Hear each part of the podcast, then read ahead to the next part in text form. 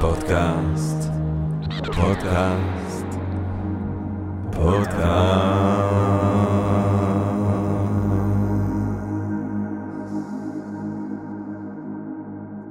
טוב, גבירותיי ורבותיי, ברוכות וברוכים הבאים לפודקאסט הספרים הגדולים של Think and Read Different והמרכז האקדמי שלם. פודקאסט שמוקדש כל כולו לספרי המופת שעיצבו את ההיסטוריה, ההגות והתרבות האנושית, המערבית, אבל נגיע גם למזרח, אני מקווה מאוד. אני ג'רמי פוגל, ואנחנו רוצים להתחיל עם רגע של הודיה.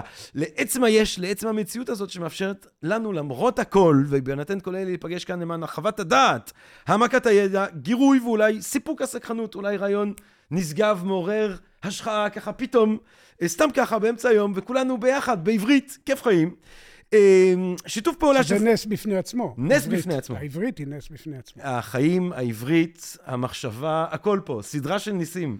באמת. אה, המרכז האקדמי שלם בירושלים, יש עיר כזאת ירושלים, לא יודע אם שמעת. שמה היה שלם. נכון. איפשהו, זה, זה, יש פה מעגל. Uh, המרכז האקדמי שלם בירושלים הוא מוסד אקדמי ייחודי לסטודנטים מצטיינים הפועל במודל liberal arts בהשחת אה, חלק מאוניברסיטאות העילית בעולם, מעניק השכלה רחבה ומעמיקה בנושאים רבים כמו פילוסופיה, היסטוריה, ספרות, מדעים, יהדות, אסלאם, כלכלה ומחשבת, ומחשבה חברתית, וכמו שנלמד היום נושאים, נושאים נוספים. אה, במרכז האקדמי שלם נותנים משקל רב לקריאה של ספרות מופת ולקריאה של ספרים שלמים. מתחילים את הספר, מסיימים את הספר. שימו לב. אה, וגם הפודקאסט הזה יוקדש כולו בעצם לספרים הגדולים. אה, תודה גם לסקרינס כמובן, אנחנו מצטלמים כאן בסקרינס, יש בינג' אחר, סדרות, אה, הרצאות, עולם שלם של תוכן בסקרינס, Think and Read Different, שלם, שיתוף פעולה, משולש של אהבה. טוב, גבירותיי ורבותיי, הספר שאנחנו רוצים בעצם לדבר עליו היום, הוא הספר הענק הזה, השמן הזה, דיפלומטיה, מאת הנרי קיסינג'ר, עם מבוא אה, בגרסה העברית שלו. של שלמה אבינרי. שלמה אבינרי. אה, יש לומר, בוא נדבר... עם הסיפור הנחמד על אחיו של אה, קיסינג'ר, ששאלו אותו למה, ל... למה להנרי יש מבטא ולא אין. אה, אז מה הוא אמר? הנרי doesn't listen. וואי, מצחיק. אמ, אז בעצם אני, אנחנו צריכים לומר כאן באופן כנה, שאני לא יודע אם הספר הזה, הוא באמת אחד מהספרים הגדולים. אנחנו עשינו את האודיסאה, עשינו את uh, לוויתן uh, של הובס, uh, דיברנו על, uh, אנחנו נדבר בהמשך, אני חושב, על הנסיך של מקיאוולי, על מחשבות על המהפכה הצרפתית של אדמונד בורק. מוקדם לומר אם הספר הזה, דיפלומטיה של הנרי קיסינג'ר, בעוד כמה מאות שנים ייתפס כאחד מגדולי הספרים האנושיים, אבל הנושא מעניין והאיש מעניין. ובמיוחד... אתה. מוקדם לומר, אתה יודע שיש לו אסוציאציה קיסינג'ריאנית. עם, ה, עם הראש ממשלת הסיני. שיחה שהייתה לו עם ג'ו אנלאי. נכון. ש, שלא הבין על מה הוא... ש... האמת, דיברנו על זה כשדיברנו על המהפכה הצרפתית. כן, כן. אה, השאלה. הגדולה, אם ה... אה, זאת אומרת, כששואלים אותו אה, האם המהפכה הצרפתית, בשנות ה-70, המהפכה הצרפתית היא דבר טוב או רע, אז עונה לו ג'ו אנלאי, מוקדם לומר. השאלה היא כמובן אם הוא דיבר על 68... התכוון ל-68 או ל-1789.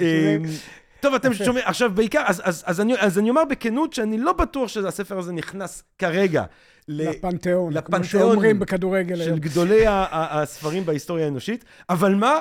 איש מעניין, נושא מעניין, ובעיקר אורח מרתק, אה, שאני רוצה להציג לכם. אה, גבירותיי ורבותיי, יושב איתי כאן, ואנחנו נרגשים ושמחים ומתגאים לארח כאן את אה, עלם במילואים דוקטור ערן לרמן. גבירותיי ורבותיי, אה, נתחיל מהתארים, אבל יש פה המון מה להציג כשאנחנו מדברים על דוקטור ערן נרמן. תואר ראשון בהיסטוריה כללית של המזרח התיכון אה, בתל אביב, תואר אה, דוקטור ב-LSE, The London School of Economics, שהוא בין השאר האוניברסיטה של מיק ג'אגר. אה, חייב לומר שזה הרבה כבוד בעיניי. אה, דוקטור ששם הוא חקר את מדיניות האימפריה הבריטית במצרים אה, בין השנים 1942 ל-1947. הספר יצא לאור לא מזמן בסוסקס University Press, The British Imperial... Uh, the British Imperial Policy in... Position. E- position, סליחה, in Egypt. Uh, שירות צבאי שנדבר עליו בעוד רגע, uh, אחרי השירות הצבאי, uh, מלגת אלון, אתה מלמד באוניברסיטת חיפה, אתה חוזר לאמ"ן, שם אתה מתמחה במעצמות, בדיוק ברגע שברית המועצת uh, מתפרקת. כל הכבוד לך, עבודה, uh, עבודה יפה עשית שם. אחר כך אתה יוצא ל-MPA בהרווארד. אה, בעצם במנהל ומדיניות ציבורית מבית הספר קנדי היוקרתי מאוד אה, לממשל באוניברסיטת הרווארד. אה, אתה בעצם כיום מרצה בתוכנית למזרח תיכון ואסלאם בתוכנית ללימודי אסטרטגיה לדיפלומטיה וביטחון במרכז האקדמי שלם בירושלים. אתה גם מרצה בתוכנית לתואר שני בביטחון ודיפלומטיה באוניברסיטת תל אביב. אתה משמש סגן הנשיא במכון ירושלים לאסטרטגיה ולביטחון, JISS. שם מתפרסמים חלק ממחקריך האחרונים. מאז שנת 2021 אתה גם משמש כעורך הראשי של מגזין Jerusalem Strategic Tribune. שצריך להגיד שהמוציא לאור שלו הוא מוסלמי מרוקאי ידיד ישראל דגול, אחמד שרעי. מרתק. שזה הופך את כל העניין למרתק עוד יותר. Uh, מ-2009 עד 2015 אתה שימשת כסגן היועץ לביטחון לאומי למדיניות חוץ ויחסים בינלאומיים במשחק ראש הממשלה. לפני כן אתה שירת בתפקידים בכירים באגף המודיעין בצה"ל, כיהנת כמנהל משרד ישראל והמזרח התיכון בוועד היהודי-אמריקאי, ככה שדיפלומטיה גבוהה לא זרה לך מזה שנים רבות מאוד, אם בצד המחקרי שלה ואם אה, הלכה למעשה. אה, דוקטור ערן לרמן, שלום רב. נחמד להיות פה. אה, טוב, בוא נתקוף ישר בווריד הצוואר, דוקטור אה, אה, ערן לרמן. אני רוצה שנתחיל ונתקוף את הספר היפה והגדול הזה, דיפלומטיה, מאת הנרי קיסינג'ר. קודם כל, אה, לקהל הישראלי אולי פחות צריך מבמקומות אחרים בעולם, אבל כמה מילים על הטיפוס המרתק הזה, הנרי קיסינג'ר. הנרי קיסינג'ר היה... בן 99 היום. לא היום, אבל עדיין כיום. עדיין איתנו. עדיין, עדיין שופע רעיונות חדשים. יצא עכשיו ספר שבעוונותיי עוד לא הספקתי לקרוא. אה, יצא באחרונה ספר שלו, עם שני אחרים, שעוסק ב, באפקט העצום שתהיה לבינה מלאכותית. Hmm. על הסדר העולמי ועל יחסי הכוחות. לא פחות מאשר מנוע הקיטור או החשמל אה, בדורותיהם. לדעתי הרבה יותר אפילו. אולי אפילו כן. הרבה יותר. עידן היסטורי חדש, כך שהוא עדיין שופע, פגשתי אותו לפני כמה שנים בניו יורק. מה אתה אומר? באירוע שמכון ירושלים לאסטרטגיה ולביטחון העניק לו איזושהי תעודת הוקרה על פועלו. הייתה שיחה מאוד מאוד מעניינת, בעיקר מטבע הדברים, בגלל שהזיכרון הישראלי נמשך לשם, הלכנו אחורנית לשנות ה-70. לשאלה אם אפשר או אי אפשר היה להשיג שלום עם מצרים לפני מלחמת יום הכיפורים. אה, אני חושב שתשובתו העמוקה ביותר היא שכנראה אי אפשר היה, למרות שאחר כך נוצרו התנאים. ואני אני יודע שיש הרבה ישראלים שיש להם השגות על האיש הזה, בין אם בגלל עמדתו בשעתו בעניין המאבק למען יהודי ברית המועצות. ויש כאלה שנותרים לו טינה על זה שהוא הציל את הארמיה השלישית מקיטור והוביל את ישראל לנסיגות וויתורים טריטוריאליים קטנים ברמת הגולן, גדולים יותר בסיני, במסגרת הסדרי הביניים. אני חושב שאנחנו חייבים לו חוב של כבוד על עמדתו בנושאים מרכזיים מאוד בהיסטוריה שלנו, על התמיכה העקבית בישראל בשנים הקריטיות של אה, המלחמה, של שיא המלחמה הקרה באזור, ואפילו על אירוע אחד מיוחד שאני רוצה להזכיר, אה, שקורה ממש, אנחנו יודעים את התאריך ואת הפרטים ממסמכים שנחשפו באחרונה, חילופי מכתבים, חילופי מברקים בינו לבין הנשיא ניקסון ב-20 לאוקטובר 1973, תוך כדי המלחמה. אבל תשאיר, נשאיר את זה רגע הצידה. הנרי קיסינג'ר הוא אה, אה, גדל כנער, כילד ונער, במשפחה יהודית בגרמניה, שנמלטה ב-1933,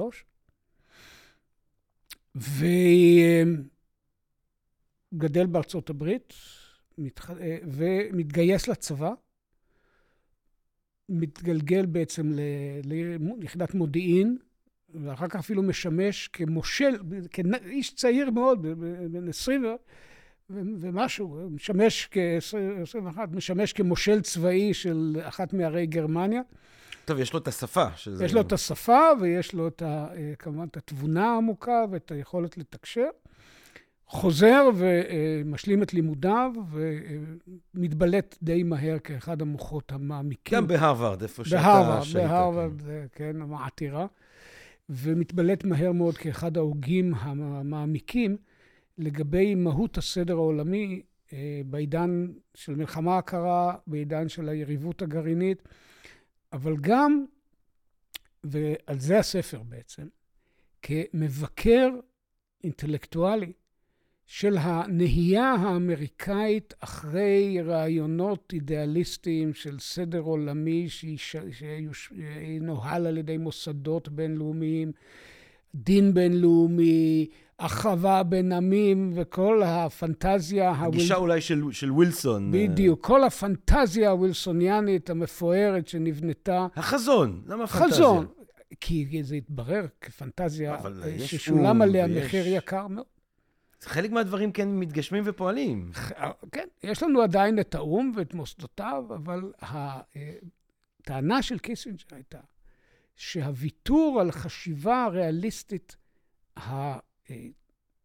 החדה, הבהירה, שהנחתה את גדולי הדיפלומטים, גדולי המדינאים אה, במאה ה-19, ובעצם היא זו שקיימה במשך שנים מאוד ארוכות את מה שקראו לו השלום הארוך. זה לא שלא היו מלחמות, אבל היו קצרות ומבודדות. אה, מ-1899 שנה, מ-1815, מפלת, נפילת נפוליאון, ווטרלו, קונגרס וינה, ועד 1914, הטרגדיה הנוראה של 1914. אה, מה שקיים את השלום לא היו אידיאלים של אחוות עמים ושל מוסדות, אה, סמכות מוסדית בינלאומית, אלא הדבר הזה שנקרא מאזן הכוחות. The balance of power. תראה, אני כן חושב ש... ש... The Chinese would like a word. זאת אומרת, אני חושב שמדינות כמו סין, או מדינות צפון אפריקאיות, או מדינות בתוך אפריקה, שנכבשו ושסבלו נוראית במאה ה-19, אולי כן היו... לא, אז השלום, אני מדבר על השלום האירופי. השלום האירופי, הוא לא בדיוק שלום, הוא לא שלום לעולם המתפתח. זה מאוד מעניין, כי הנושא הזה של המרוץ לאפריקה והביטור החלקי של סין, שנבלם דרך אגב, בגלל שהאמריקאים הטילו את כל כובד משקלם להשאיר את סין אה, אה, כשוק פתוח ולא כשטחי כיבוש של האימפריות האירופיות, אה, אה, כל הסיפור הזה קשור בדיוק לנושאים האלה שקיסינג'ר מדבר עליהם. מאיפה כל זה בא? מעבודת הדוקטורט שלו. ובמי היא עסקה? באחת הדמויות היותר קונטרוברסליות אה, בהיסטוריה האירופית, שנוא נפשם של הליברלים של 1848, אבל היה גם הארכיטקט. אביב העמים? אביב העמים המקורי, זה שנדבק ממנו הכינוי האביב הערבי, שלא בדיוק היה אביב. אבל האביב העמים של 1848 היה על מרד ליברלי כנגד הסדר הקיים באירופה. מי שבנה את הסדר הזה ותחזק אותו וניהל אותו 33 שנה, היה אציל זוטר מ... בעצם ממוצא גרמני, ממוצא, מעמק הריין, שעלה לגדולה באוסטריה, והפך להיות שר החוץ שלה, ואחר כך, וש... ואחר כך אה, אה, הקנצלר שלה למעשה, והוא מדידן, ידידנו מטרניך. הדוקטורט של קיסינג'ר עוסק במטרניך, קלמנס פון מטרניך, ומטרניך היה אסטרטג של שימור מאזן הכוחות באירופה. Hmm. הוא היה למשל הרבה יותר נבון מאשר המנצחים של מלחמת העולם הראשונה, בכך שהוא לא השפיל את צרפת. הוא לא גזל את אדמותיה. הוא אה, בנה, הוא הכניס את צרפת חזרה לתוך מאזן הכוחות האירופי, לתוך המשוואות האירופיות. זה כמובן נעשה במגמה שמרנית מובהקת, אה, כנגד כל הרעיונות המהפכניים שהתחילו, והלאומניים שהתחילו לבעבע זאת הייתה תקופה ששמאל, להיות שמאלי ולאומני, להיות רפובליקני ולאומני, עלו בקנה אחד ולא בסתירה. וכנגד כל הרעיונות האלה, מטרניך בונה סדר שמבוסס, שמאפשר לאימפריה האוסטרו-הונגרית המוזרה לשרוד ולשגשג בתוך מאזן הכוחות האירופי. וקיסינג'ר בעצם מנסה ללמד אותנו שבעוד שהרעיונות של ווילסון נשמעים מאוד נאצלים, אבל הם עולים, לא עולים בקנה אחד עם המציאות הבינלאומית כפי שהיא באמת, כשמדינות פועלות למה, מתוקף האינטרס שלהם, החרדות שלהם, כל מה שטוקידידס מדבר עליו, השאיפה, הפחד, השאיפה לכבוד, מאבק על משאבים, ורק אם יישמר הדפוס המתוחכם הזה של איזון כוחות, אפשר במסגרתו לשמור על השלום. אז רגע, לפני שבאמת נגיע לספר ולטיעונים המרתקים שלו, אה, כמובן שקיסינג'ר אה, מפורסם או ידוע אה, לא בעיקר בגלל הדוקטורט שלו או המחקר שלו בהרווארד, זה, הוא עולה לגדולות פוליטיות בעצמו כשר החוץ, אולי המפורסם ביותר של המאה ה-20 בממשל ניקסון. עוד לפני שהוא היה שר החוץ, הוא בעצם שלט במדיניות החוץ של ארה"ב. רוג'רס היה דמות משנית בדרמה שלנו. הוא היה שר, השר החוץ הראשון של ניקסון היה uh, ויליאם רוג'רס, אבל קיסינג'ר uh, מתמנה, לא שהוא לפני כן יעץ גם לדמוקרטים, אבל, הוא, אבל ניקסון קורא לו. זה דבר מאוד מוזר, כי לניקסון היו נטיות... כי קיסינג'ר בעצם אקדמאי. אקדמאי. כן. לניקסון היו נטיות די אנטישמיות אה, ברקעו, ואפשר לשמוע אותו בהקלטות, כן. מתבטא על Jew boys. אבל uh, הוא קורא לקיסינג'ר וממנה אותו, יהודי הכי בכיר שאי פעם התמנה לתפקיד מפתח בממשל האמריקאי, ליועץ שלו לביטחון לאומי. וזה מקנה למועצה לביטחון לאומי ואנשי המטה שלה את עמדת הכוח החזקה ביותר שהייתה להם אה, אה, אה, אולי אי פעם.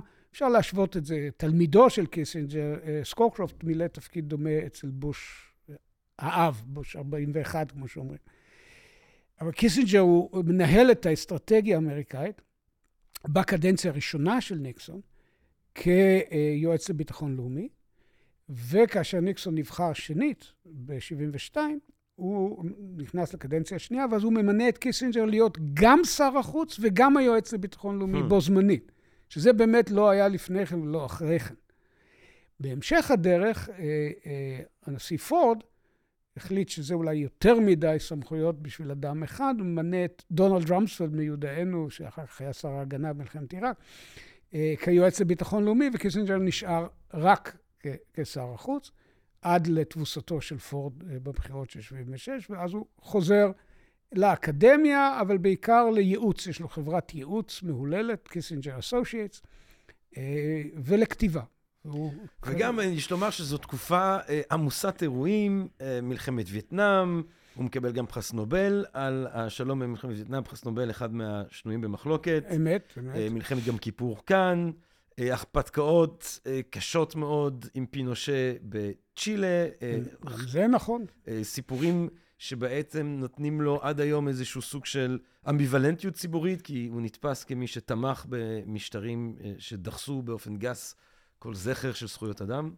האירוניה היא, דרך אגב, שהאמריקאים לא, לא הפעילו את פינושה, אבל הם כן היו מעורבים דרגה כזאת או אחרת בחיפוש דרך להיפטר מאיינדה. אבל נכון, קיסינג'ר, מה שנקרא, נתפס בחוגים די רחבים כמי שנושא באחריות לדברים קשים, כולל אולי הדבר הקשה ביותר. הפצצות העומק בקמבודיה, שדרדרו את המדינה הזאת ובהמשך בעצם אה, פילסו דרך לזוועות שהתחוללו שם אחר כך. לא שהאמריקאים חוללו אותם, אבל הם בעצם מוטטו את הסדר הישן שם ו... ויצרו את הנסיבות שבהן החמר רוז' עלו שם לשלטון. ושוב, שימוש בכוח, שימוש ברוטלי בכוח. שם, אה, זה נגמר, ב, זה נגמר באמת בזוועות, אבל לא, האחריות היא כאן עקיפה, כן. אבל, אבל הכניסה האמריקאית אה, לקמבודיה כדי לחסום את נתיבי האספקה של הצבא הצפון-וייטנאמי לתוך, אה, לתוך דרום וייטנאם, זה אקט ברוטלי, ו, ובהחלט יש... יש אנשים שאני מכיר שעדיין קיסינג'ר מעורר אצלם התנגדות מאוד עזה. מצד שני, צריך גם לזכור שהוא היה הארכיטקט של שני מהלכים, מעבר ליום הכיפורים, שעל זה אני רוצה להגיד אולי מילה או שתיים, זה לא מוזכר בספר כפי שהוא, כי זה נושא שהוא מאוד רגיש מבחינתו. Hmm. איך הוא התייצב נגד ניקסון. Hmm. אבל uh, בדברים אחרים הוא היה, uh, שים הצידה את יום הכיפורים, שגם זה אירוע דרמטי, פריצת הדרך עם מצרים, הנחת היסודות למה שיהיה בסופו של דבר שלום עם מצרים. אבל uh, מעל הכל שני דברים רשומים על שמו. קודם כל, פריצת הדרך לסין. וזה מהלך מטרניכי, או אם תרצה, אה, הוא, הוא מדבר על, אה, הייתי אומר קצת באירוניה, יש כאן ארבעה דיפלומטים גדולים בהיסטוריה, שהוא מדבר עליהם, שהוא מצביע על היכולות שלהם להסתכל על העולם כפי שהוא, אה, ולבנות את מאזני הכוחות בצורה שתשמור על השלום ולא תמוטט אותו. אם זה רישליה אה, במלחמת 30 השנה, שהיה מוכן, למרות שהיה קרדינל של הכנסייה, לכרות ברית עם הקתולים כדי שייווצר מאזן כוחות נגד ההגמוניה לכאורה של בית הבסבורג באירופה. אם זה מטרניך, שבונה מחדש את מאזן הכוחות האירופאי, ואם זה השועל הגדול ביסמרק, שבנה את גרמניה, אבל חוץ מטעות אחת קרדינלית, סיפוח על זס לורן, הוא השכיל כל הזמן להחזיק את כל הכדורים של האיזונים באוויר, כדי שבאירופה לא יתכנסו כל הכוחות כנגד גרמניה שלו, mm. שאותה הוא הקים. והרביעי, הנרי עצמו. אה, יפה. האומן, הוא לא אומר את זה בצורה כל כך אה, ישירה, אבל, אבל הספר מתגלגל מדיון היסטורי לדיון... טוב, אבל אנחנו במודרנה. שאנחנו קוראים לו ברומאית, בלטינית לא טובה, apologia pro gesta mea. אה, כן, כן. אבל, אבל רישליו, מטרניך, ביסמרק, קיסינג'ר, אנחנו במודרנה. הוא היה יכול ללכת למצוא דמויות uh, ביוון העתיקה? או... פחות, uh, במודע מסוים פחות, מפני שהמודל אולי יוון העתיקה קצת של איזונים, כן? ש, שמה עשו האתונאים כדי לאזן את הספרטאים, מה עשו הספרטאים כדי לאזן את האתונאים. אבל uh, הסיפור של העת העתיקה הוא בעיקר סיפור של אימפריות. זאת אומרת, יוון היא מקרה חריג והוא לא, והוא לא עמד בלחץ. בסוף הכל קרס ומקדוניה של אלכסנדר בלעה את הכל. אבל הסיפור של העת העתיקה היא סיפור של אימפריות. הסיפור של העת המודרנית הוא של עמידה כנגד ההגמוניה, הייחודי לאירופה, mm.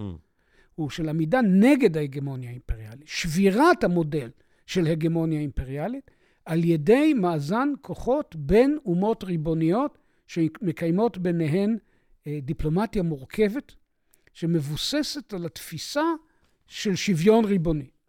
זאת המהות העמוקה של מה שקורה כתוצאה מפעולותיה של צרפת אה, אה, וממאזן הכוחות שנוצר באירופה במלחמת 30 השנה, שלום וספליה, הרעיון של האומה הריבונית, וזה הסדר שנשמר מאז. המערכת הבינלאומית היא בסיסה, בבסיסה מערכת ללא סמכות מרכזית אחת, לא אימפריאלית, כמו בימי הרומאים, או כמו שהסינים ראו את העולם במשך הרבה מאוד שנים. עד היום, איך קוראים לסין בסינית? צ'ון צוו, מדינת המרכז. כן, לב העולם. כן? מידל קינגדום, כמו שמתרגמים את זה. כן, מידל קינגדום. ואין להם דרך אחרת להסתכל על עצמם, כי ככה קוראים לסין בסינית. ולעומת זאת, המודל האירופי הוא מודל של אומות ריבוניות, מעצמות ריבוניות, אפילו אימפריות ריבוניות, אבל באיזונים אחת עם השנייה. עכשיו, אה, אני רוצה אה, שתספר לנו את מה שאתה הבטחת לנו על אה, קיסינג'ר ויום כיפור, כיפור, ואז נעבור על דיפלומטיה באופן רחב יותר. תראה, זה סיפור מרתק, ואני מלמד אותו לסטודנטים, אני מקריא את המברקים האלה לסטודנטים בשלם. אני עדיין בשלב זה מלמד בחוג למזרח תיכון, מצרים ומדיניות ארה"ב במזרח תיכון, יחד עם ידידי ועמיתי בוב סילברמן.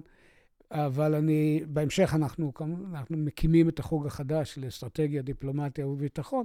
אני אמשיך ללמד את הסיפור הזה, כי זה נוגע באמת לשאלות של אסטרטגיה ואסטרטגיית על.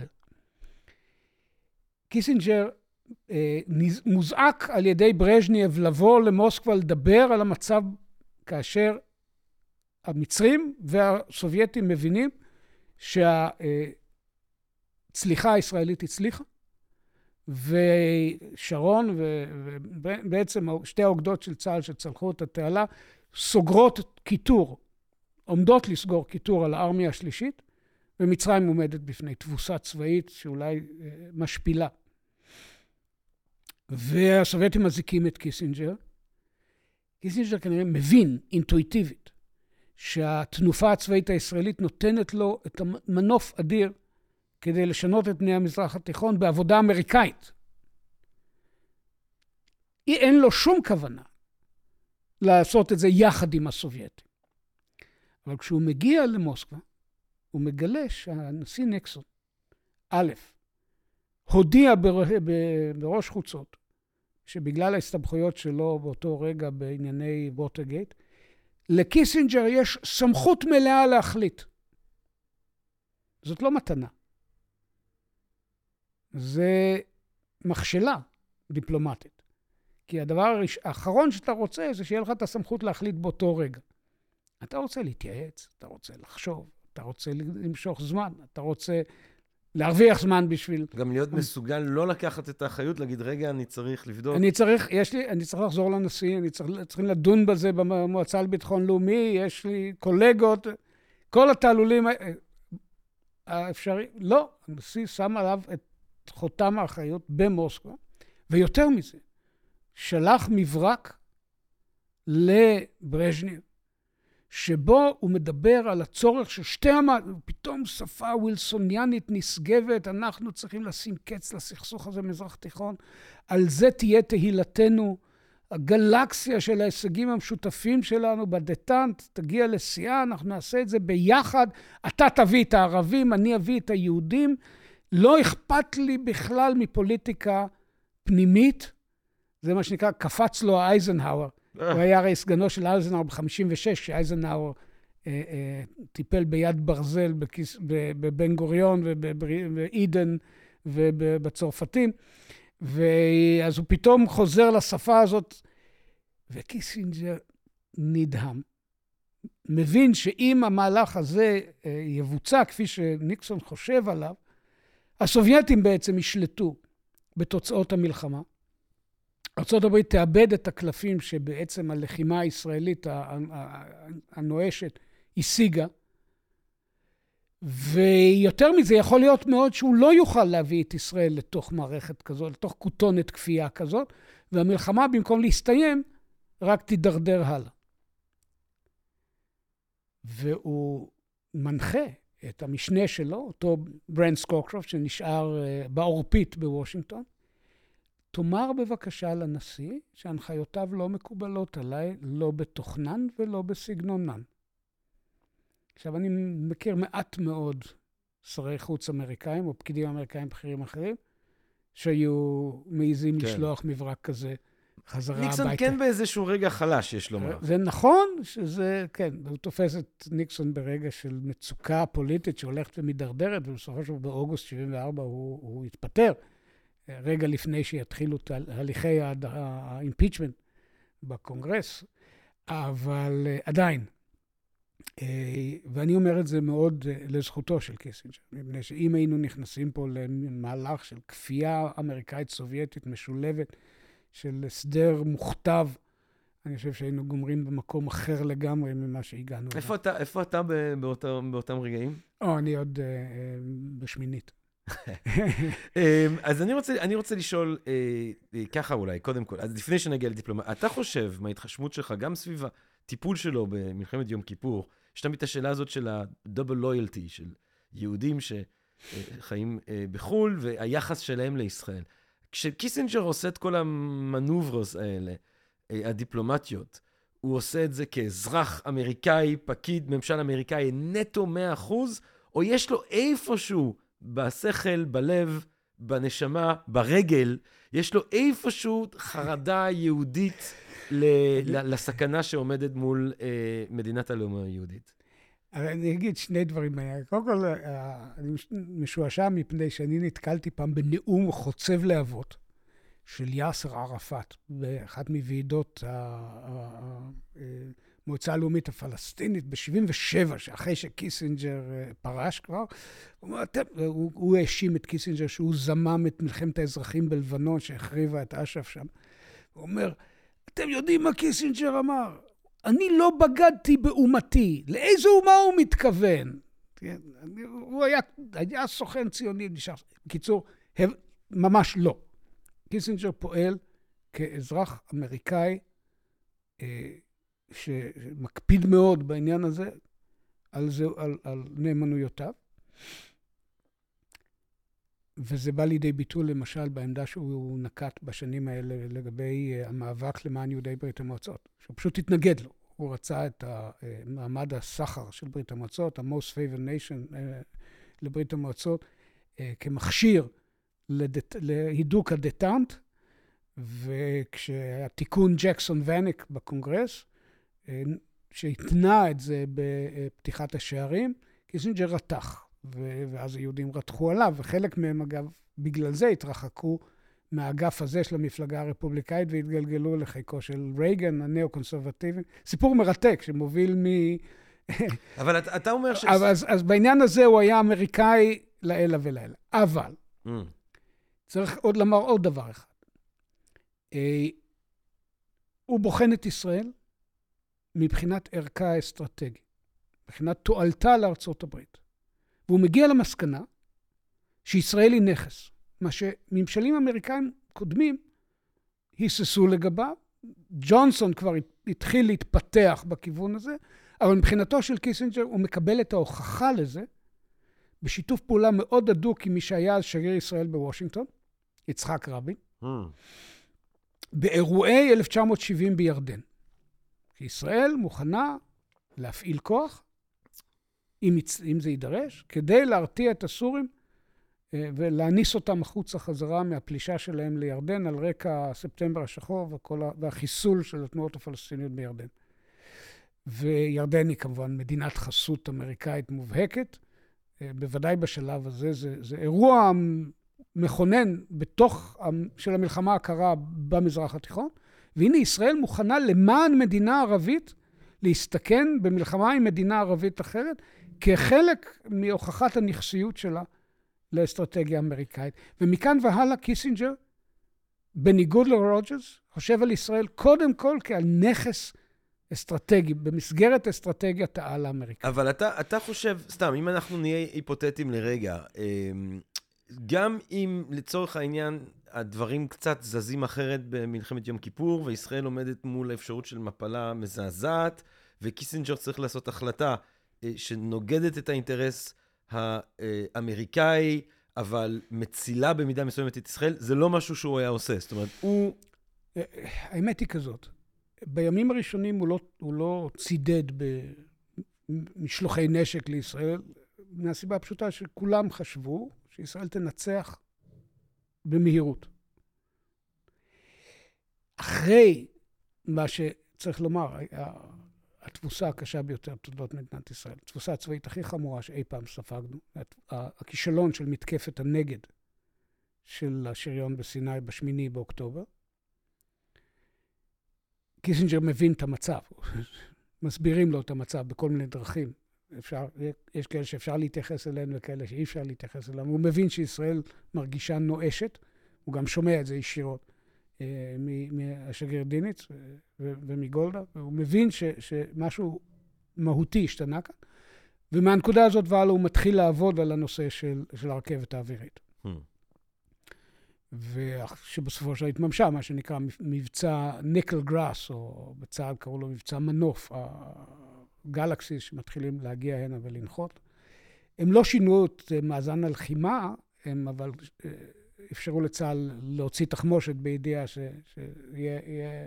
שהמחסנים יתמלאו, והם גם שידרו שידור משמעותי מאוד לעולם הערבי, גם למצרים, גם לסוריה, שישראל אה, אה, נתמכת על ידי ארצות הברית. כן. אז עכשיו, לך תפרק כאן את קיסינג'ר היהודי, אגב, ש, כן. שבא ועשה בר מצווה בכותל לבנו, hmm. ודברים מהסוג הזה, אה, ושתמיד ראה את עצמו כמי, כידיד ישראל, מקיסינג'ר האמריקאי, שמגיע למסקנה שישראל היא נכס, היא נכס אסטרטגי מן המעלה הראשונה הברית. צריך להגיד עוד דבר אחד, היה נושא מאוד רגיש ביחסים בין בן גוריון לבין אה, קנדי, שנשאר מסובך ולא פתור ביחסים בין אשכול לג'ונסון. שבתקופת קיסינג'ר ירד מהפרק סופית כנושא של מחלוקת בין ישראל לבין ארה"ב. והוא? והוא דימונה. Hmm. ולא לא צריך לומר יותר מזה. כן. אז, אז השאלה הזאת בעצם, אה, איך אומרים, מה צפונות לב? אני חושב שברגע שהוא השתכנע מ-1970 והלאה, שישראל היא רבת עוצמה, כן. נכס אסטרטגי, יכולה להשפיל את הנכסים הסובייטיים במזרח התיכון, אה, מייצרת לאמר... לאמריקאים אה, אה, מדפס מודיעיני ו... ו... וטכנולוגי על היכולות הסובייטיות שנכנסו למצרים, הודפת את הסורים בירדן, מכאן והלאה אין סתירה, וזאת, זה הנתון הבסיסי, בין אסטרטגיית העל האמריקאית לבין המחויבות לישראל. הן משלימות אחת את השנייה. טוב, אז אה, הנה לנו אה, הנרי קיסינג'ר, הסופר שלנו היום. אה, הספר הוא דיפלומטיה. הוא בעצם ש... עוסק בהרבה יותר מאשר דיפלומטיה במובן הצר של המילה. אז... הוא עוסק בדיפלומטיה במובן של היחסים בין אומות. הוא היה יכול לקרוא לזה יחסים בינלאומיים, אתה אומר. רק שהמונח הזה נעשה קצת אה, אה, טכני וחבוט. כן, כן. וכאן הוא מדבר על האנשים, על האנשים שעומדים בנקודות ההכרעה, אם זה הוא וניקסון, אם זה מטרניך, או רישליה, או... אה, ביסמרק. או ביסמרק, אז... או ווילסון, שבא עם הרעיונות שלו ו- וכפה אותם על המציאות האירופית, ניסה לכפות אותם על המציאות האירופית של אחרי מלחמת העולם הראשונה. הוא מדבר על אנשים. אגב, זה, זה הסיבה שאנחנו אה, אה, נהנים אה, לדבר על הדברים האלה בשלם, מפני mm. שנקודת המבט של המרכז האקדמי שלם, גם של החוג החדש שאנחנו מקימים, מעוגן גם של לימודי מזרח תיכון, לימודי פילוסופיה, אה, שלושת החוגים. אה, בהמשך גם, אני מקווה, כלכלה מדינית. כולם מעוגנים לא במדעי המדינה, שאני לא בטוח שלא צריך להגיד את זה במרכאות, או במדעי החברה, אלא בעולם שבעברית גרמנית אנחנו קוראים לו מדעי הרוח, אבל באמריקה קוראים לזה או The Liberal Arts, סתם ביטוי, אה, אין לו משמעות מכוונת, או בשם הנכון והעמוק שלהם, Humanities. Humanities, הומניסטיקה. ענייני אדם, ענייני בני אדם. כן. מבחינתי, הדיון הוא לא על, אף פעם לא על תהליכים. זה מה שעוסקים בו ביחסים בינלאומיים, לפעמים מודלים, מבנים, סטרוקטורות, אה, זרמי מעמקים, כוחות על, אה, אה, על אישיים ועל אנושיים שדוחפים אותנו, מניעים אותנו. אני חושב על בני אדם ועל המהלכים שהם עושים. אז מהי, מהי דיפלומטיה, דוקטור ערן אה, לרמן? מהי דיפלומטיה? שאלה מרתקת. אה, אם תפתח את האנציקלופדיה ה, אה, אה, של מדעי החברה האמריקאית משנות ה... שיצאה בראשונה בשנות ה-30, אחר כך בשנות ה-50, לי יש את המהדורה משנות ה-50, שהוריי למדו בה, איתה ב-NYU. תמצא הגדרה שאומרת שאת הדיפלומטיה המציאו הוונציאנים במאה ה-13, בערך. שם זה מתחיל. גם, אני גם חושב שזה לא יפה. אנחנו רואים בטוקידידס, יש לנו ממש, כן. או, רגע, תכף נסביר מה קורה כן. פה. לעומת זאת, אם תפתח את האנציקלופדיה העברית, תמצא שם שדיפלומטיה קיימת משחר ההיסטוריה, מאז שיש אומות או ישויות ריבוניות או ממלכות ו- ומשהו שהוא מעבר לשבטים נודדים במדבר, או אפילו בין שבטים נודדים במדבר, שצריכים לדבר אחד עם השני, יש אה, אה, פונקציה של אנשים שנשלחים למשימות של, של, של דיאלוג בין אומות. כשאני מלמד את הקורס בתואר שני בתל אביב, אני קורא לזה אומות מדברות זו עם זו. Hmm. זה בעצם, אה, נקרא לזה, זה, זה קטגוריה של הרמנויטיקה, של להבין אדם אחר. עכשיו, אה, איך קראו אגב לדיפלומטים במקרא? שליחים? אה, לפעמים, אבל לשליחים יש גם מילה יותר מצלצלת. מלאכים. מלאכים. לא שכל הדיפלומטים שהכרתי בחיי היו כולם מלאכים, כן. אבל, אבל זאת, זאת שפת הדיבור, מלאך, גם ביוונית, אנגלוס, שליח, שזה מתגלגל לכל השפות האירופיות. אה, אבל מה ההבדל? אה, ואגב, היו גם קונסולים של כבוד בשיטה היוונית. אה, היו פרוקסנוס, שהיה נציג של, אה, זה די מדהים, אבל פריקלס, עד שהתפטר מהתפקיד הזה, היה פרוקסנוס של ספרטה, באתונה. עד שפרצה, הוא החליט לקחת את המהלכים שהובילו לפרוץ המלחמה, ואז הוא כמובן הודיע קבל עם ועדה שהוא כבר לא. אבל אה, אז זה די דומה לקונסול של כבוד בדיפלומטיה המודרנית, שזה אזרח של המדינה, שמדינה אחרת מקנה לו איזשהו סטטוס. מה לא היה? לא היו שגרירויות. לא הייתה דיפלומטיה במובן המודרני שלה, של מערכת מקצועית רחבה, ייעודית, שקיימת בכל זמן נתון ומשקפת את עקרון השוויון הריבוני. כל אומה מיוצגת אצל אומה אחרת, בשוויון ביניהן, אה, וזה מגלם את הרעיון שכל האומות שוות.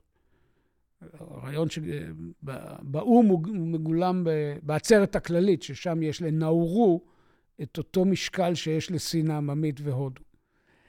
אה, אז אה, הרעיון הזה הוא רעיון אירופי מודרני באמת, והראשונים שבונים שגרירויות, זה באמת הוונציאנים שלחוצים אה, אל הקיר מול האימפריה העות'מאנית שמתחילה להתעצם, והם צריכים לנהל דיפלומטיה מאוד אינטנסיבית ומאוד מורכבת, שמבוססת גם על תככים ומזימות רצח ורעל בקפה, וגם על, על, על הרבה מאוד מודיעין.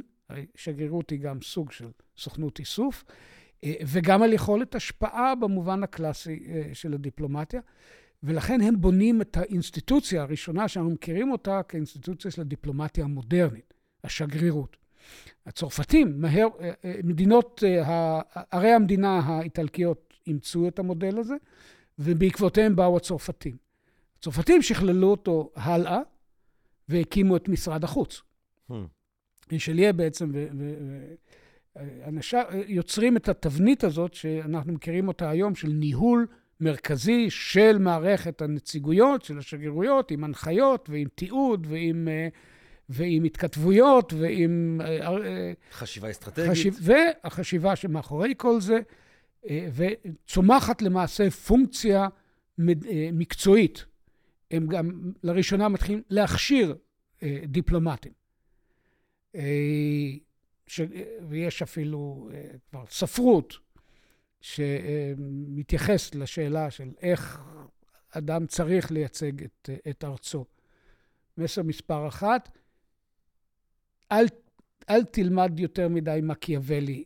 זה, זה שגריר שעוסק יותר מדי בלהוליך את אה, מערכיו שולל, בסוף יכשיל את ארצו ולא יקדם אותה. מעניין. אה, וכן הלאה, יש... אה, מקיאוולי שבעצמו כמובן נשלח לכל מיני משימות דיפלומטיות אה, כן. לפני כן, שמשפחת בורג'ה. מדיצ'י... כן. כן, אבל... אז, אז בעצם, אוקיי, אז, אז רישליו עושה, אז הנה לנו בעצם איזושהי גניאולוגיה היסטורית כזאת. והמפתח כאן הוא שנקודת ההבשלה של דיפלומטיה המודרנית, כמו שאנחנו מכירים אותה, חופפת לנקודת, ה... ולא במקרה, יש, יש כאן אה, אה, שתי מערכות, מערכת של מבנה הסדר העולמי, וההתגלמות שלה והיישום שלה בכלים של העשייה הדיפלומטית. אה, מילים אחרות, הקשר בין, אני, אנחנו הולכים לבנות חוג שבנוי על ד, אה, אסטרטגיה, דיפלומטיה ומלחמה, או אסטרטגיית על, Grand Strategy, זה יהיה קורס הליבה, וסביבו בנויים כלי היישום. האסטרטגיה, או תפיסה של מקומך בתוך העולם ובתוך הסדר העולמי, מתורגמת לפעמים לדיפלומטיה, ולפעמים בלית ברירה לשימוש בכוח, באמצעים ביטחוניים, במלחמה. אבל הדיפלומטיה, המבנה של הדיפלומטיה מגלם בדרכי הפעולה שלו את הסדר העולמי. Hmm. הסדר העולמי שצומח מתוך מאזן הכוחות האירופי, מאמצע המאה ה-17 ועד הקטסטרופה של 1914, הוא סדר עולמי שמבוסס על אה, הכרה מאולצת, אבל, אבל מתבססת והולכת בכך שאין אף הגמון, אין אימפריה אחת. גם הפיקציה הגוססת הזאת שנקראת האימפריה, הקיסרות הרומית הקדושה, היא לא קיסרות, היא לא רומית והיא לא קדושה, זו קואליציה של מדינות ומדינונות אה, גרמניות. אה, ויש באירופה כוחות גדולים לא פחות, צרפת, ברית, בריטניה שעולה לגדולה, רוסיה בקצה השני, שהן לאו לא דווקא מקבלות, לא, לא מקבלות את המרות הזאת, והעולם שאנחנו מכירים מעוצב על ידי התפיסה הזאת של השוויון הריבוני. וזה מחייב כל מיני פתרונות מעניינים. למשל, הבכורה באירועים דיפלומטיים. זה, זה, פפיס מספר את הסיפור על איך אה, אה, הצרפתים והספרדים בקבלת פנים בשגרירות השוודית בלונדון נכנסו לקטטה מי ייכנס ראשון. מי המלך הקתולי הדגול יותר, האימפריה הספרדית, שאז עוד כללה את כל אמריקה הדרומית, או צרפת המעתירה, שהייתה אז אולי המעצמה הכי חזקה באירופה. זה נגמר בזה שהם שחטו את הסוסים אחד של השני. זה קצת מזכיר את, ה, את האירוע הדיפלומטי, אולי טיפה יותר מעודן, של הדחיפות של אהוד ברק ויאסר ערפאת בקמפ כן, כן, תיכנס, כן, זה, זה, זה דרך אגב, מעניין שדיברתי על זה היום בקורס. אה, אה, זה מזכיר את ההתגוששות היזומה של הנרי השמיני עם פרנסואה הראשון באוהל בשדה אה, בד הזהב ב-1520. זה היה ככה סוג של גילוי חיבה כזה, בוא, בוא נתגושש. כן. הוא חשב שהוא ינצח, הוא לא. אבל, אבל אה, כן, התגוששו, זה כאילו סיג... גינונים של כביכול אחווה וידידות, שבעצם מאחוריהם מסתתרת אה, יריבות. זה קורה בוועידות פסגה, שבוחנים איש את כוחו של השני. אבל אם, אם לחזור לסיפור שלנו על קבלת הפנים הזאת, איך, איך פותרים את הבעיה הזאת? הדרך אה, המעניינת שנמצאה היא שהנציג הדיפלומטי הראשון שנכנס, אחר כך הולכים לפי סדר א', מי הראשון? זקן הסגל. כלומר, מי שהדיפלומט שנמצא בארץ מסוימת הכי הרבה שנים. אני לא יודע מה בדיוק קרה למשרד החוץ הקמרוני, אבל הם השאירו פה, זה כבר לא המצב, אבל לפני, עד, עד לא לפני כמה שנים, היה, השגריר הקמרוני היה פה המון המון שנים, והוא היה זקן הסגל. זאת אומרת, באירועים פורמליים, הפיקציה של השוויון הריבוני נשמרה בזה שקמרון נכנסה לפני ארצות הברית בטקס, כי הוא היה זקן. זה בא לגלם איזשהו, מאחורי הגינונים והמרכיבים הטקטיים האלה, אה, כל מה שנכנס לאמנת וינה של 1815, שיש לה גלגול מודרני ב-1862, הדיפלומטיה המקצועית בעצם באה לגלם את הרעיון הזה, שכל האומות שוות, שהן מדברות אחת עם השנייה, שהן מיוצגות אחת אצל השנייה, שהן יכולות ליצור צירופי כוחות לגיטימיים אה, אה, זו עם זו כדי לרסן את הכוח של מישהו שמתיימר ללכת אחורנית לרעיונות האימפריאליים. זה מה שבעצם קרה עם נפוליאון. הוא ניסה להחזיר אותנו לעידן הרומי, הוא אפילו אה, אה, השתמש בגינונים רומים, והציור והפיסול אה, של תקופתו שאבו השראה מרומא, אבל העולם שהוא פעל בו כבר לא היה העולם של ההגמוניה הרומית, של ה Pax Romana, וזה נגמר אחרת.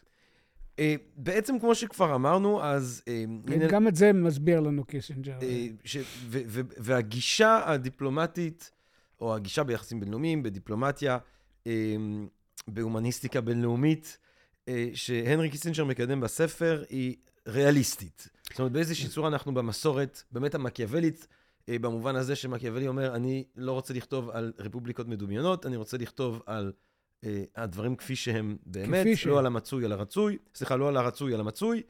אה, וכך גם קיסינג'ר תופס את עצמו כמקדם אה, תפיסה שהיא אולי פחות רומנטית, שהיא פחות...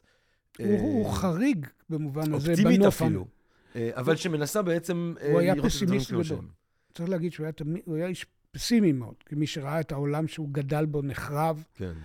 ואחר כך ראה את ברית המועצות עם עוצמתה. אה, מתבססת. הוא בעצם היה האיש שנאלץ אה, אה, בעצם לנהל את הנסיגה האמריקאית מווייטנאם. זה לא הוסיף לשלוות נפשו. בשיחות שלו, למשל עם ישראלים, כשהיה דוחק בהם לוויתורים, להגמשות מול הסורים, הוא היה מדבר על כך שהעולם לא הולך לעשות, להפך להיות מקום טוב יותר, ככל שברית המועצות מתעצמת. אה, הוא ראה את, הוא באמת עשה מהלך יוצא דופן בתעוזה שלו, שהוא לוקח את ניקסון ומביא אותו לסין, לשבת עם מאו, כדי לאזן במשהו את, ה, את העוצמות הסובייטיות האלה שהוא היה מודע להן בצורה מאוד uh, חריפה. הוא לא היה, באמת, לא היה איש אופטימי, לא... והאידיאליזם... עדיין, הוא עדיין איתנו, אמרנו. אני חושב שהאופטימיזם שלו... או הפסימיזם שלו קצת דעך. הפסימיזם שלו קצת התערער כשבית המועצות התפרקה, אבל הוא עדיין... עכשיו יש לו את, את הדאגה הסינית, הוא עוסק בסין הרבה מאוד, כתב ספר עב כרס על סין וההיסטוריה הסינית. הנושא הזה מאוד מעסיק אותו, הוא גם מכיר את סין היטב, לא, אני לא חושב שהוא דובר, את, הוא לימד את השפה, אבל הוא מכיר את ההיסטוריה הסינית ואת החשיבה הסינית בצורה מאוד מעמיקה. אז פסימיסט הוא אולי נשאר. מעבר לזה, הוא תמיד התריע מפני ההיסחפות האמריקאית אחרי חשיבה אידיאליסטית. זאת אומרת, אם זה הרצ... הרצוי יהפוך להיות המצוי. ובאיז... ובאמת, הוא, הוא מותח קו משווה בין החש... קו מבחין בין החשיבה של תיאודור רוזוולט, האמריקאי הראשון שמתחיל לחשוב במושגים של תפקיד האסטרטגי של ארה"ב בזירה העולמית, אה, ארה"ב כמעצמה, אם תרצה, כאימפריה בין אימפריות, לבין החשיבה... שוטר עולמי לפעמים אומרים. לפעמים, אבל זה המושג שוטר עולמי, שוב, מחזיר אותנו ל, לרעיון שיש סדר עולמי ומשטר עולמי. ו... אה, לא על זה קיסינג'ר מדבר. הוא מדבר על דאגה לאינטרסים של ארה"ב, לעוצ... לעוצמתה היחסית, אה, ולדרך שבה בעלות הברית שלה אה, יישארו לצידה, לא מפני שיש איזו נאמנות לאידיאלים משותפים, אלא מפני שזה משרת את האינטרסים המשותפים שלהם ושלה. ובעניין הזה הוא, הוא נאבק כנגד מגמת יסוד עמוקה, מושרשת, בחיים הפוליטיים והמדיניים האמריקאים של, של חשיבה אידיאליסטית. אנחנו רואים את זה עכשיו בדיון אה, על אוקראינה. יבוא מי שיגיד, בראייה ריאליסטית, האמריקאים עושים את הדבר הנכון, כי הם מחלישים את, את אויב, פוטין, ומשדרים מסר אה, תקיף למדי, בעקיפין, לשי ג'ינפינג. הרפתקאות כאלה, הם, כמובן ששם השאלה זה טיוואן, והמקבילה הסינית של להחזיר את אה, אוקראינה לחיק המולדת. אה, הרפתקאות כאלה יכולות להיות קשות מאוד ויקרות מאוד. תחשוב על זה. הוא באמת הסטודנט האחד של הלקח האוקראיני, ש, שבאמת חשוב במבט לעתיד. אבל אפשר גם להסתכל על זה, על האידיאליזם, על ההזדהות הסנטימנטלית עם הדמוקרטיה האוקראינית, אה, ולא זאת הדרך החשיבה שקיסינג'ר היה ממליץ לך עליה היום. מהם התובנות הבולטות, אתה חושב, של, אה, שהאיש הזה, שאם נסכים או לא נסכים עם גישתו, עם, או עם מעשיו, הוא באמת אחד מגאוני התחום ועתירי הניסיון. מהם התובנות הבולטות אה, של הספר הזה, דיפלומטיה, מאת הנרי קיסינג'ר, שהיית שמח שדיפלומטים אה, בעולם, בישראל, אה, ילמדו? קודם כל, שדיפלומטיה לעולם לא יכולה להיות מנותקת מיחסי כוחות ריאליים, מעוצמה, יש כל מיני סוגים של עוצמה, אבל אה, כוח, מה שהוגה דעות חשוב, אמריקאי חשוב אחר, ג'ו נאי אמר, ההבחנה בין הכוח הקשה והכוח הרך. הכוח הרך אף פעם, הוא יכול להיות חשוב, הוא יכול להיות מועיל, הוא יכול להיות כלי חשוב בארסנל הדיפלומטי, אבל הוא לא תחליף לקיומן של העוצמות האסטרטגיות, שמתוכן אתה יכול לנהל דיפלומטיה אפקטיבית ומושכלת. מצד שני, וזה, אני חושב, המסר שקיסינג'ר מנסה להנחיל לסינים, כי הדרך שבה הסינים יבחרו עשויה להיות הרת גורל לכולנו. והוא בא להזכיר להם את האיוול, אחת התובנות הכי עמוקות שהספר הזה מנחיל, את מה הייתה האיוולת של הקייזר, וילהלם השני. קודם כל הוא נפטר מבסמרק, הוא לא, לא רצה לחיות בצילו, בסמרק אה, סיים את חייו גולם מתוסכל ממוקדי הכוח. אבל ברגע שהוא הלך להתחרות עם הבריטים בנושא האחד שהיה בבת עינם, בעוצמה הימית, עוצמה יבשתית כבר לגרמניה הייתה הומחשה היטב ב-1870. ביסמרק שלח את כל מעצמות אירופה היריבות, דיברנו על אפריקה, לחפש מלכוח באפריקה. גם גרמניה חטפה קצת אה. ביסים בצד, את נמיביה, טנזניה, חלק מקמרון. אה, אבל אה, אחר כך, כמובן, אחר כך כל זה נעלם אחרי מלחמת העולם הראשונה. אבל הוא שלח אותם לשם כדי להרחיק מפתחה של גרמניה את האפשרות של צירוף כוחות של כל מעצמות אירופה תתאחדנה נגדו. אם אתה מנהל את העלייה שלך לעוצמה בצורה שמקוממת עליך את כל שאר העולם, זה ייגמר בבכי. אהמ. אז אפשר לקרוא לזה מלכודת טוקידידס, כמו גרהם אליסון בספר שלו, ואפשר לקרוא לזה האיוולת של הקייזר.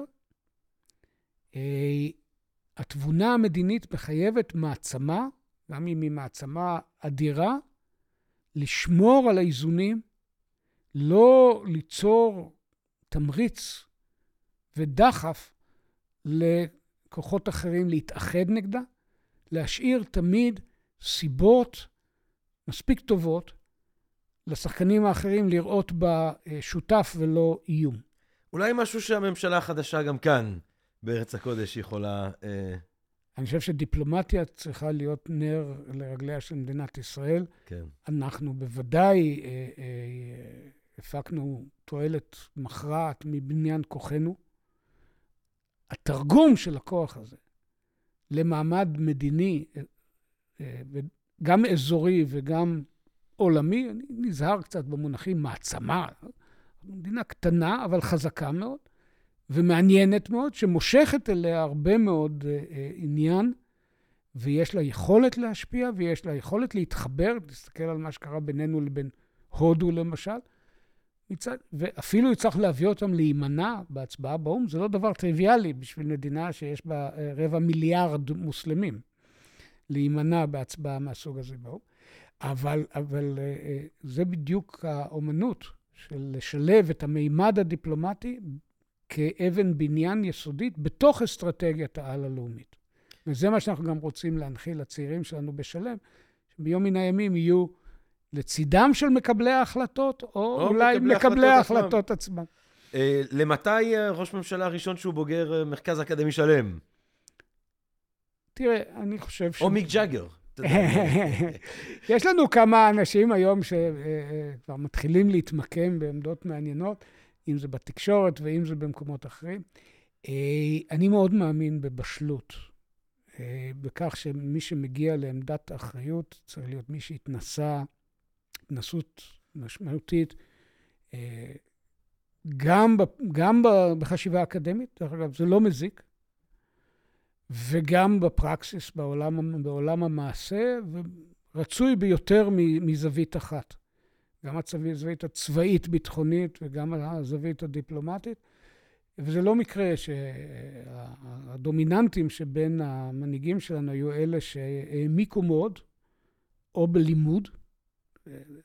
בן גוריון לא היה גנרל, אבל היו מעט מאוד אנשים שקראו היסטוריה צבאית ו- ו- ואסטרטגית באינטנסיביות שהוא למד את הנושא הזה, ואחר כך ניהל את הסמינרים שלו ב-47 לקראת המלחמה וב-53. ירד לרמה של האקדח הבודד ושל אה, ארצות המוצא של קציני צה"ל והדינמיקה החברתית שמאחורי בניין הכוח, והניח את היסודות אה, אה, לתפיסות שלנו. ומנהיגים אחרים שלנו שהביאו, היו מה שנקרא ספרא וסייפא, שהכירו גם את הזירה הצבאית וגם את הזירה הדיפלומטית. ואני חושב שזה, אני, ביום מן הימים, גם האנשים הצעירים שלנו, ישלימו את המהלך שלהם ויגיעו לאן שיגיעו. 20 שנה, 30 שנה. אני מוכן לחכות אם יינתן לי. בעזרת השם. אה, אה, אני רוצה לשאול ככה, התחלנו מזה שאמרנו אמנם הנרי קיסינג'ר הוא דמות היסטורית, והוא בוודאי ימשיך לעניין היסטוריונים של העתיד שהתעניינו בגיאופוליטיקה וביחסים בינלאומיים במאה ה-20, או בחצי השני של המאה ה-20. הספר הזה, לפודקאסט קוראים הספרים הגדולים. אתה חושב שהספר הזה, כמו אולי הספרים של מקיאוולי, אתה חושב שהספר הזה ייתפס כאיזשהי סוג של קלאסיקה בתחום? אני אגיד... בעשרות או במאות שנים קדימה, או... אני חושב שמבין כל הספרים שלו, יש אחד אולי שיכול למלא תפקיד עוד יותר משמעותי בללמד אנשים בצורה יותר תמציתית איך העולם עובד. זה, זה ספר שבאמת נכנס גם הרבה מאוד לעומק, לפרטים, גם בסופו של דבר, כמו שאמרתי, יש כאן מרכיבים שהם אה, הסבר, אפולוגיה אה, של מעשיו הוא כ, כ, כשר, כיועץ לביטחון לאומי וכשר חוץ. אה, יש ספר שלו שנקרא World Order, הסדר העולמי, שזה בעצם אה, תמצית אותה תבנית אה, עמוקה של מערכי הכוח בין אומות, בראייה באמת חובקת עולם משורשי המבנה המדינתי ועד ימינו. מבין שניהם, אם יהיה משהו שישפיע כמו מקיאוולי, זה אולי דווקא World Order. אבל היתרון הגדול של דיפלומטיה הוא שהוא באמת, ואולי זה, בזה, הוא, בזה גדולתו, שהוא מספר את הסיפור על אנשים, דרך הפרספקטיבה של אנשים. בין אם זה, כמו שאמרתי, בין אם זה רישליה, ובין אם זה ניקסון, שזה דרך אחרת להגיד, קיסינג'ר. אה, ואיך הדברים, איך, איך, מה הייתה רמת המורכבות והקושי והדילמות אה, זה לא טקסט פשוט לקריאה, אתה נכנס לעומק של, אה, גם של הישגים וגם של כשלים, אה, ובהחלט מה שנקרא עדות ממקור ראשון של, בשח קוראים לזה רב אמן, grand master. נכון. אני חושב שזו סיבה מצוינת אה, לקרוא. בטח זה ספר שיהיה ברשימת הקריאה של הקורסים שיפתחו בחוג החדש. קריאת חוג, אה, טוקידידס בסמסטר א'. קודם כל טוקידידס. כאילו, טוקידידס בסמסטר א', כן. וקיסינג'ר בסמסטר ב'. אז מתי מקיאוולי? ביניהם, כן, גם, גם מקיאוולי. גם בסוף סמסטר א' וגם בפתיח של סמסטר ב', כי הוא באמת מציין את נקודת המעבר מהעולם הקלאסי של החשיבה הבינלאומית כן. לעולם המודרני. אה, דוקטור ערן לרמן, אני, אה, אני רוצה להודות לך מאוד, דוקטור ערן לרמן, על הנדיבות שאיתה באת וחלקת איתנו מהידע שלך, מהתובנות שלך, מהמחשבה שלך. אה, הספר הגדול שלנו היום, כמה פודקאסט היה דיפלומטיה של הנרי קיסינג'ר. אני רק מצטער שלא הבאתי את העותק שלי, שהוא חתום. אה, במו ידיו. יפה מאוד. מה הוא, ומה הוא, הוא, הוא, הוא חותם רק עם הנרי קיסינג'ר, או הוא כותב איזה משהו? בהערכה, משהו כזה. אה, יפה. מתוך, אה, יפה. זה מבוסס על מפגשים. תראה, חתיכת דמות, אין מה להגיד, גם העניין הזה של, של הקול שלו. יש פה... והמבטא. והמבטא. המטען שהמבטא נושא איתו. כן, כן, טיפוס. אתה מיד נוכח, אתה נוכח באירוע הזה של חורבן יהדות גרמניה, וה... ההישגים המסחררים כן. של יהדות ארצות הברית, כי הוא בסופו של דבר בשר מבשרה של יהדות ארצות הברית. כן. זה דברים ראויים לציון. כן.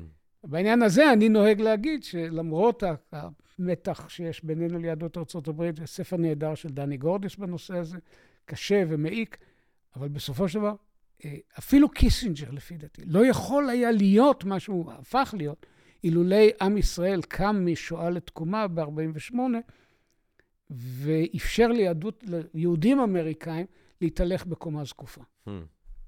מעניין. אה, תודה רבה לך, דוקטור ערן לרמן, אה, ודש להנרי קיסינג'ר, אם הוא שומע אותנו. אה, אני מקווה שעוד ניפגש. אה, תודה רבה לכם. אה, לקהל הקדוש שלנו כאן בפודקאסט של הספרים הגדולים של מרכז האקדמי שלם ו-Think and Read Different כאן בסקרינס. מקווה מאוד שנהנתם אה, מהפרק המרתק הזה, מהפרקים שכבר הקלטנו, מאלה שבעזרת השם נמשיך ונקליט. ומה אני אגיד לכם בינתיים? תהיו דיפלומטים גם בחיים שלכם ביום-יום. אה, כן. ואני אומר, ריאליזם קיסנג'ריאני, אבל גם פה ושם חזון, פה ושם אולי איזה תקווה. תראו, יש את האו"ם, יש את האיחוד האירופי שאיכשהו קם, אה, אה, אבל כן, ש, שמאחורי החלומות יהיה גם... פיכחון. פיכחון, שמאחורי הרצוי יהיה גם הבנה של המצוי. על כל פנים, אני מקווה מאוד שתהנו גם משאר הפרקים שנקליט, ומה אני אגיד לכם? רק בריאות ואהבה רבה, ונשתמע. תודה רבה. פודקאסט, פודקאסט, פודקאסט.